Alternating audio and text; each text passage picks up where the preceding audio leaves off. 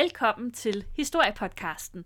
Jeg er Marie, og med mig som altid er vores helt egen Miss Marple, Katrine.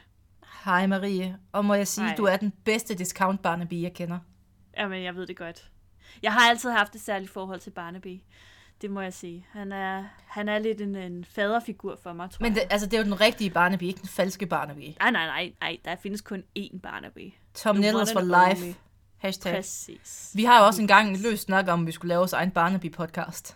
Ja, det er faktisk rigtigt. Det snak, Gud, det er mange år siden, vi snakkede om det. Ja, jeg er Hvor vi stadig simpelthen, på. vi skulle se, var det sådan noget med, at vi skulle se alle afsnit og kommentere dem? Eller sådan Ja, noget? et afsnit, og så kommenterede vi det, og så rated vi morerne i afsnittet, for de plejer at være gode. Jeg kunne især godt lide der, hvor der var osterelateret mor, Jamen, altså, og klokkerelateret mor. Jamen, det klokkerelaterede mor, den, den, er, den er virkelig højt på listen. Det er en klassiker. Også øh, og, så får man, og så får man... Hvilke mor? Der har været en, hvor der var en stor ske, der var morvåbnet. Ja, ja. Men jeg synes også godt, man kan også godt have sådan en, en øh, man kan få point for, hvor mange gange den samme skuespiller optræder i forskellige roller. Og bonuspoint for påfuglen, eller reven. Den er der altid, inden der bliver begået et mor. Hvis man får det, iu, iu, så ved man. Nå, øh, vi Så er allerede om afsnittet, vi er to minutter inde. Ja. Men man ved, så går det galt. Ja, så bliver det et godt afsnit. Ja. Og det, og det er jo faktisk, altså det er jo ikke, øh, nu snakker vi om Barnaby, men vi skal faktisk snakke lidt krimi-relateret i dag. Øhm, dog ikke Barnaby, desværre.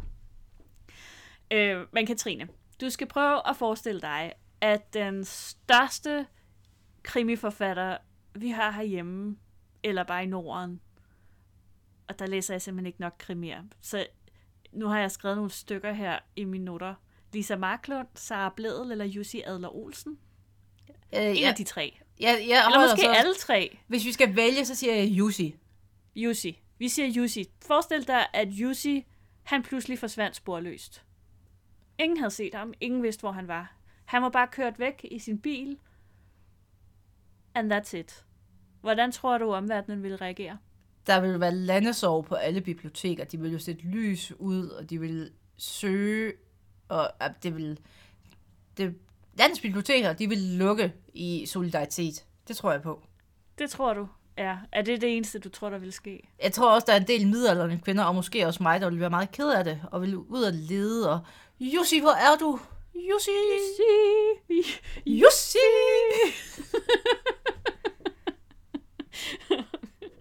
Ja. Øh. ja. Og det var...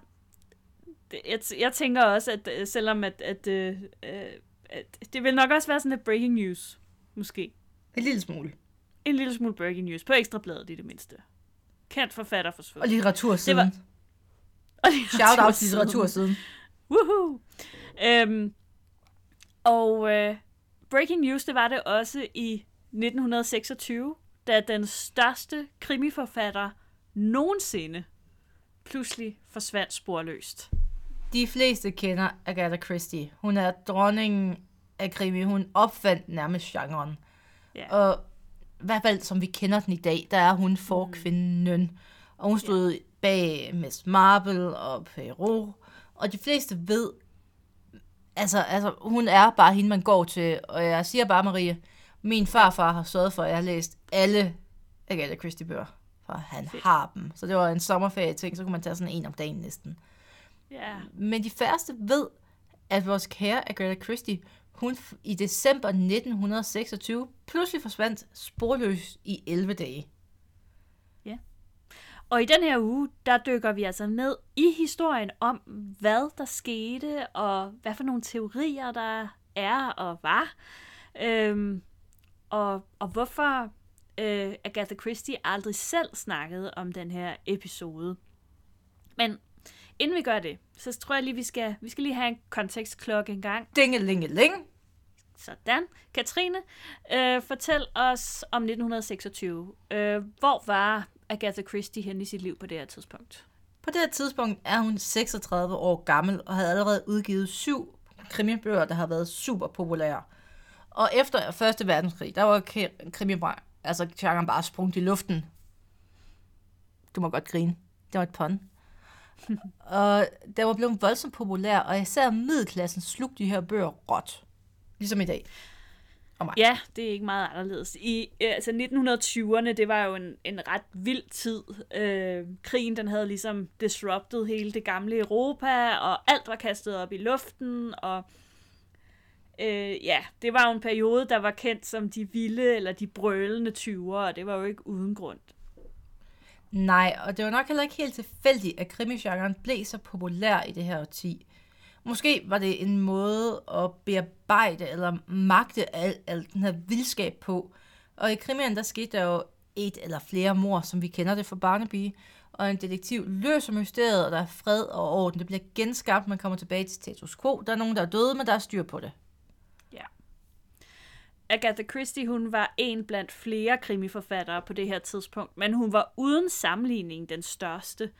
Alle kendte hende, og stort set alle hjem havde en eller flere af hendes bøger stående i reolen. Q, min farmor og farfar. Præcis. På overfladen, der så alting perfekt ud. Hun havde en karriere med fart på, der var succes, og hun blev gift med en flot og charmerende fyr ved navn Archibald Christie.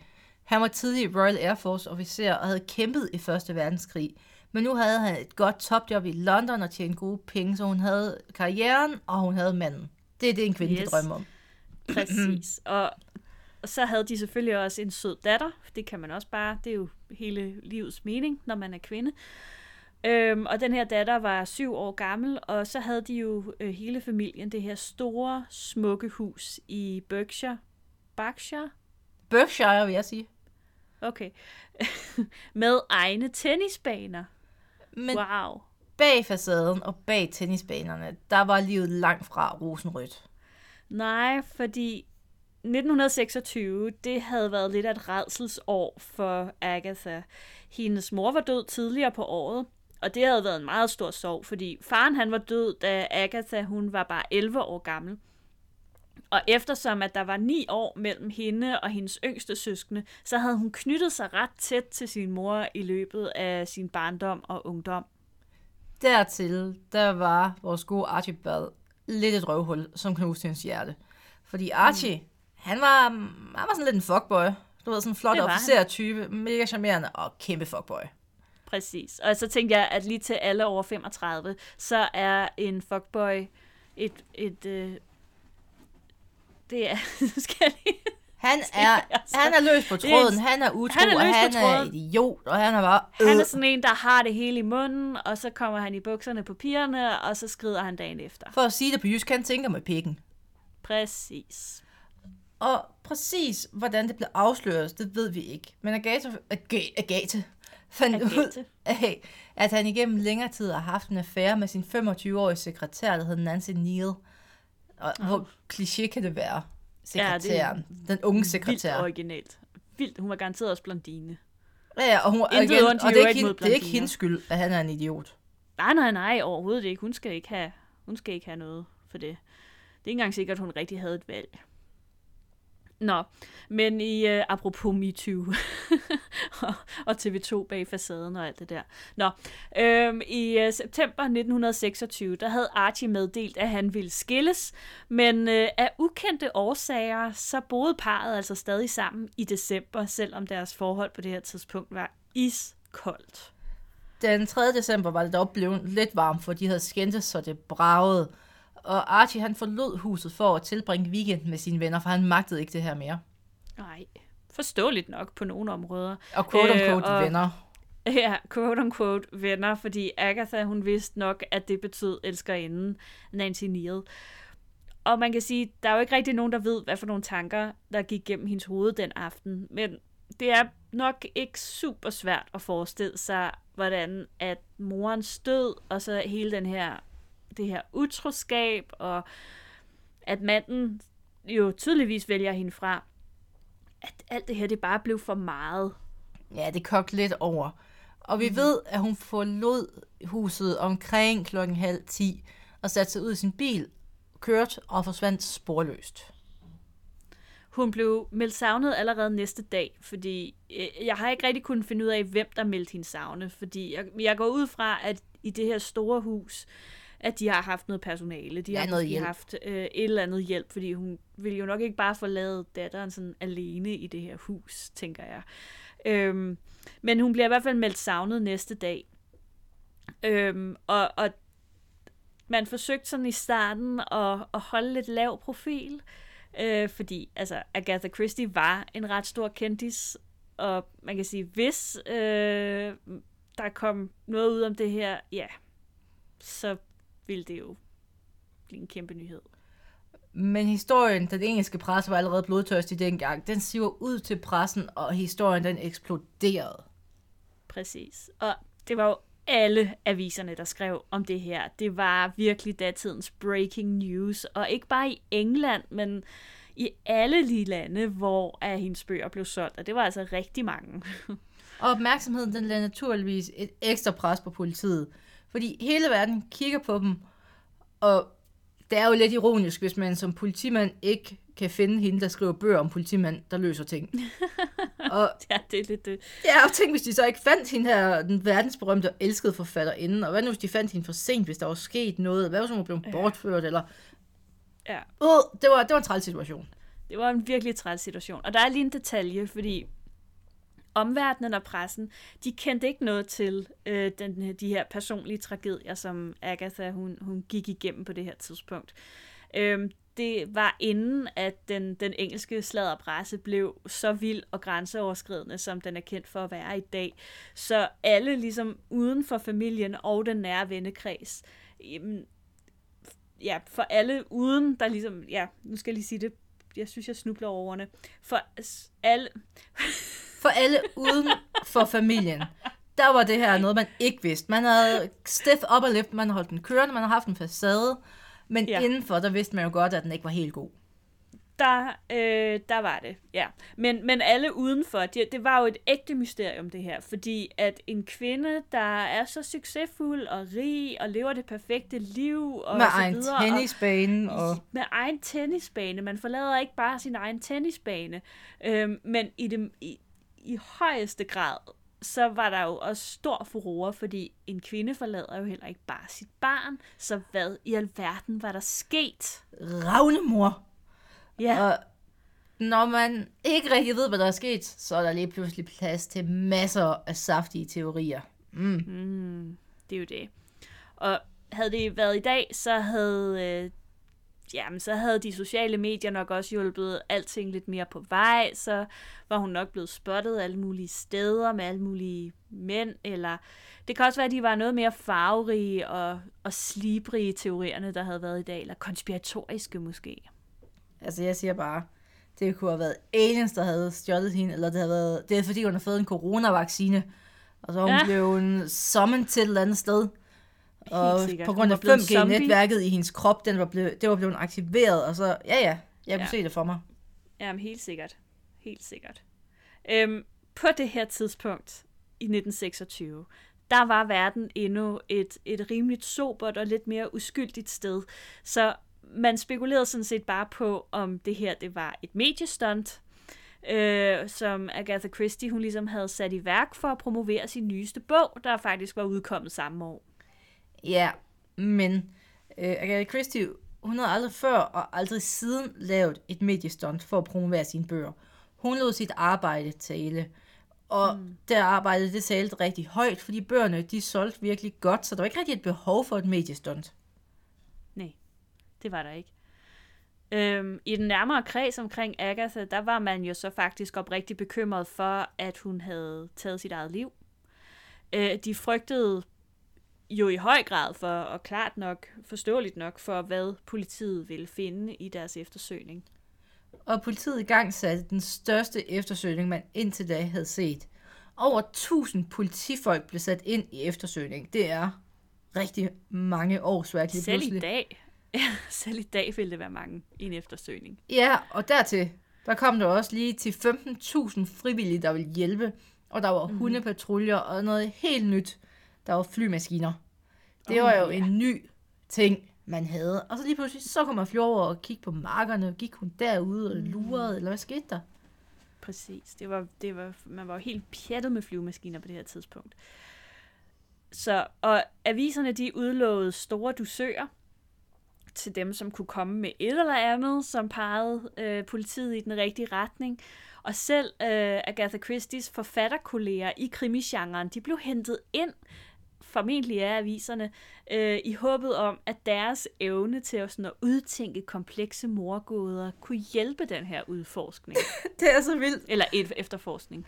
Og en af de andre helt store krimiforfattere, Arthur Conan Doyle, Mr. Sherlock Holmes, han mm. blandede sig jo også. Han fik jo en af hendes handsker og gik over til en klaverjant i håb om, at åndeverdenen kunne kaste lys over, hvor hun var. Det, det er så vildt. Men Ja, ja, altså, det- det, det kunne det jo så ikke. Øh, Det spoiler kunne, det kunne alert. den ikke. men, øh, men det er jo ikke så overraskende måske, at Arthur Conan Doyle gjorde det her, fordi han var jo virkelig øh, meget inde i alt det her med spiritisme. Ja, og... der var ikke noget tobak, han kunne dufte til, så det måtte være handsken. Præcis. Så der var ikke noget, der hjalp. Der var ingen spor overhovedet. Men Marie, hvis man læser krimier, så er der altid et spor. Så hvor er sporet? Du skal ikke tease mig på Spor. den måde. Det, det er rigtigt. Der var, der var et spor. Øh, man fandt jo hendes bil. Det var et ret væsentligt spor, faktisk, kan man sige. Øh, man fandt hendes bil tre dage efter, hun var forsvundet, den, den 6. december. Ja, det var måske sådan strengt taget kun to dage, fordi hun forsvandt den 3. om aftenen. Lad det ligge. øhm, og øh, man fandt hendes bil ved et kalkbrud, der lå sådan ret langt fra, hvor hun boede. Øhm, og det, der var lidt ildevarslende ved det her fund, det var, at hun havde tydeligvis mistet herredømmet over bilen, og den hang sådan delvist ud over skrænten. Øh, der var bare der var sådan nogle buske langs med vejen, som ligesom havde forhindret bilen i at køre hele vejen ud over skrænten og ned i det her kalkbrud, øh, der var sådan rimelig dybt. Øh, så øh, så det var det var det var date med heldigt, som man siger. Og der havde været tæt på. Forlygterne, de var stadig tændt, og på bagsædet, der lå en frakke og en kuffert, som hun jo så tydeligvis ikke havde taget med. Hun var der ikke, og tingene var der. Så det, mm. mm-hmm. Og det her fund, det kastede yderligere benzin på teoribålet for, hvad dalen er der sket. Og man bliver mere og mere bekymret for, at Agatha Christie, hun var død enten ved selvmord, eller måske endda mor. Dam, dam, dam. Og man begyndte endda at mistænke, at Archie han var involveret for at komme af med hende her konen. Men dagene Ja. gik, og der var stadig ingen spor. Nej, altså der var øh, der er sådan en lidt mærkelig episode, som, som jeg fandt et sted, øh, som jeg ikke ved om er rigtig, fordi det er jo sådan med den her historie, med, som, med så mange, øh, altså nogle historier, at der bliver måske pyntet lidt på den sådan i årenes løb. Det er da også Og en der god bliver historie. tilføjet nogle elementer. Det er en super god historie. Øh, jeg vil sige, den vi har her, det er sådan den, jeg har kunnet verificere. Øh, det er den, der ligger tættest op af, hvad der reelt set skete. Men der var lige det her med, at en, en lidt mærkelig ting, hvor at Archies bror åbenbart går til politiet med et brev, som øh, Agatha, Agatha åbenbart skulle have skrevet, skrevet, sendt til ham, altså broren, øh, hvor hun siger, jeg har det fint, jeg har bare lige brug for at, at tage på ferie. Ja, ja, for det, det det er sender man jo til sin mands bror. Det er meget logisk. Det sender man jo til sin mands bror, bare sådan lidt... Den der mand, det man hader bror. Ja, ja, ja. Det, altså, Ja, ja. Jeg, kan, jeg ser ingen fejl i det. giver virkelig god mening. Nej, og man tænker sådan, okay, det er ret åbenlyst, at der er nogen, der forsøger ligesom at, at få noget øh, opmærksomhed væk fra Archie. Har du og, fulgt med i tennisverdenen for nylig, Marie? Ligesom, øh, nej, Der var jo hende her, den kinesiske tennisstjerne, der ja, er forsvandt, hvor der kommer ja. et brev, som tydeligvis fra, fra den kinesiske regering. Jeg Ja. har det super godt. Lad være med Ja. at lede efter mig mere. Kom og spil tennis. Ja. Sådan taler hun nemlig i mit hoved. Og, Ja, ja, klart. og det jo, jeg, jeg havde lige den samme vibe i den historie. Ja, men det var nok ikke helt galt. Heldigvis kan man sige, at politiet, de var sådan lidt, øh, jeg tror bare, vi leder videre. Øh, Ja, selvom, tak, men nej tak. har sagt, tak, men nej tak. Den tror vi altså ikke på. Og heldigvis, lige pludselig, så er der også et gennembrud i sagen. Fordi pludselig dukker der en banjo-spiller op. Ej, Og han har måske set noget. selvfølgelig er det en banjo-spiller. Ja, Banjo-spillere er, er jo de altid- mest ærlige mennesker, du kan finde her på jorden. jamen det, det er de. Hvis du det finder en, der spiller fejl. banjo, så kan du stole på vedkommende. Faktum. Præcis. Det var et øh, pro-life-hack herfra. Du skal ikke Øhm. stole på folk, der spiller på tamburin. Aldrig. De er listige. Mm-hmm. Og hvis det er tuba, så er det helt galt. Jeg tror, vi laver et særskilt øh, program, hvor Katrine hun simpelthen gennemgår øh, instrumenter og deres menneskelige egenskaber. Katrines livsvisdom. Hvem skal du stole på? Hvem kan du ikke stole på? Der er sådan helt pyramide. Præcis. Og så gennemgår vi et symfoniorkester, og så finder vi ud af, hvem af, hvem af dem er til at stole på, og hvem er ikke til at stole på. Logisk. Men det er et andet program. Øhm, den her banjo-spiller, han var en del af et øh, band, som spillede på The Old Swan, øh, som var et øh, spa-hotel i Harrogate i Yorkshire. Og øh, der, mens han havde stået der og spillet banjo, så havde han lagt mærke til en af gæsterne, og så har han tænkt, gud, det der, det er sgu da Agatha Christie. Som man jo gør. Som man jo gør. Um, og åbenbart var der ikke rigtig nogen, der troede på ham af en eller anden årsag. Fordi altså, der gik nogle dage, hvor at han ligesom vidste det her, og sagde til andre sådan, ej, har I ikke set det derovre? Det der er Agatha Christie. Og, sådan, altså, og det her, det var jo, alle vidste jo, at hun var forsvundet. Altså, så der var, det, det er lidt spøjs. Øhm, der gik altså nogle dage, før han ligesom gik til politiet og sagde, jeg tror, jeg tror, hun er her. Og hun blev fundet, og hun var i god behold. Men ja. historien bliver ikke mindre underlig herfra. Godt være, vi har hende, men øh, hvad, ja. hvad, er der sket? Jamen, til synligheden, så vidste hun ikke, hvem hun var. Øhm, hun vidste heller ikke, hvad der var sket, eller hvorfor der pludselig var så meget røre omkring hende. Øh, hun var tjekket ind på hotellet som en Miss Teresa Neal fra Cape Town. Og det var der ligesom ikke nogen, der havde stillet spørgsmålstegn ved. Nej, nej, og nu siger du, Neil, øh, var det ikke efternavnet på Archies elskerinde? Jo. Super. Det var det. Så det var lidt mærkeligt også. Øhm, og det er jo sådan, var det bare sådan helt tilfældigt, eller huskede hun måske mere, end hun lige lod til, eller... Hmm. Hvad sker der? I hvert fald, så gør man det ansvarlige, og siger til hendes mand, få din kvinde hjem. Og han tager ja. straks afsted til Yorkshire, for at hente sin hustru. Om hun kunne huske ham, melder historien ikke noget om. Men angiveligt så kastede hun sig heller ikke lige frem i armene på ham. Så hun kunne nok huske noget. Eller også... nej. Det, være, det var da hun så ham, at hun tænkte sådan, det der, nej tak. tak, men nej ja. tak. Nej. Øh, hun bad ham faktisk om at vente i lobbyen, mens hun skiftede til en anden kjole. Øh, havde hun ikke glemt hvilket... kufferten? Hvor mange Jamen, ja, det er også det, hvor havde hun tøj fra? Det melder historien ikke noget om. Hvor havde hun den kjole fra? Uh, til... Hvor havde hun bagage fra? Ja, og til hvornår pressen... Har hun, uh, hvornår har hun tjekket ind på det hotel?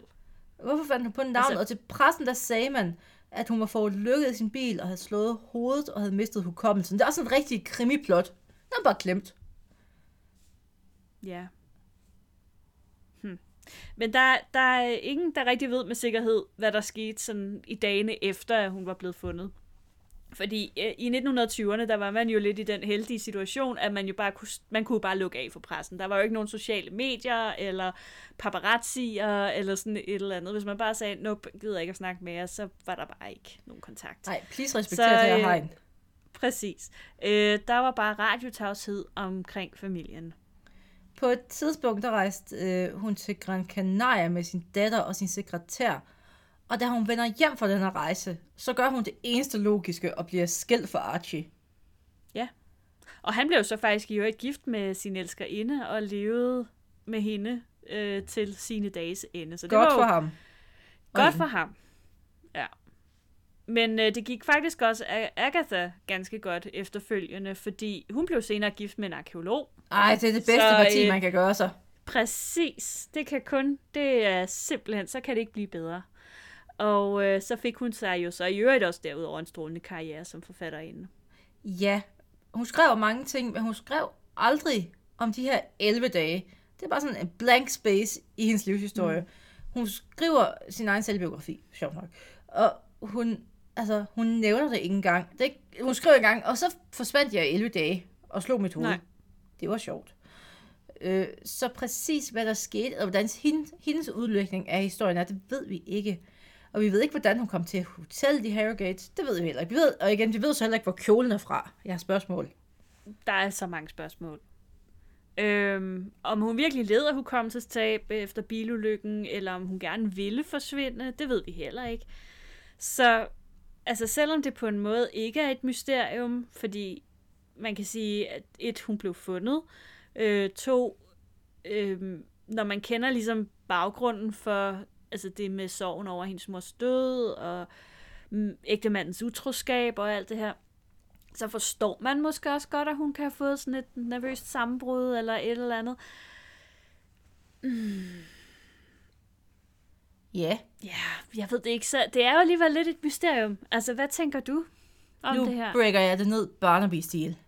Yes. Den aften, hun er oprørt. Hun kører afsted. På passagerstedet, der ligger der en flaske, det hun godt kan lide at drikke. Jeg tænker, hun er en sherry-dame. Så hun kører, hun tyller sherry, hun kører som Cruella de Vil af helvede til. Hun kører ud, hun får lykker. Hun tænker, øh, hun er lidt stiv, hun har slået hovedet. Når man, så tager man ikke de bedste beslutninger. Så hun lader kufferten ligge og tænker, den henter jeg senere, og så har hun tomlet afsted. Og til sidst, så vågner hun op i den her bil, hun tomler i, og tænker, øh, det magter jeg ikke det her. Hun står ud, hun ser det første og bedste hotel, tjekker ind i falsk navn, fordi hun bare gerne have noget fred. Hun har tømmermand, hun har brug, hun gider ikke. Så Spag Hotel er faktisk rigtig smart. Så er hun der, så, og så prøver hun bare at trække den så lang tid, for hun har ikke holdt ferie i en evighed, og hun gider ikke hjem til Archie, for han er irriterende, og, øh, og hvis barnet ikke er dødt endnu, så går det nok, så tager vi en lidt forlænget ferie. Så jeg tænker, det er den logiske. Og så, da de så finder hende, så gider hun jo ikke at sige, at jeg havde brug for ferie fra min familie, og jeg havde tømmermænd.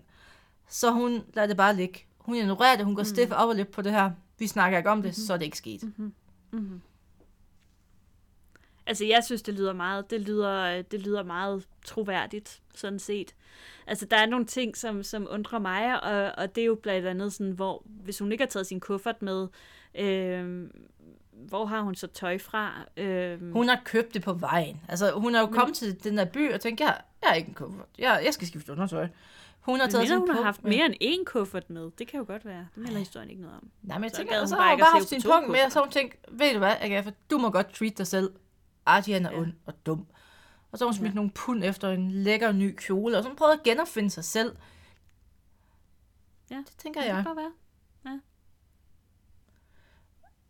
Ja, men øh, det, er en, det er en sjov historie. Altså, det god er jo historie. ikke noget, som hun har været sådan øh, super stolt over.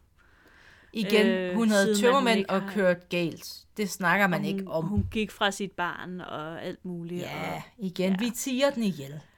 det gør vi. Og det Og, gør vi også med øhm, det her afsnit, tænker jeg. Det gør vi også med det her afsnit. Og med her. de ord, tak fordi I lyttede med.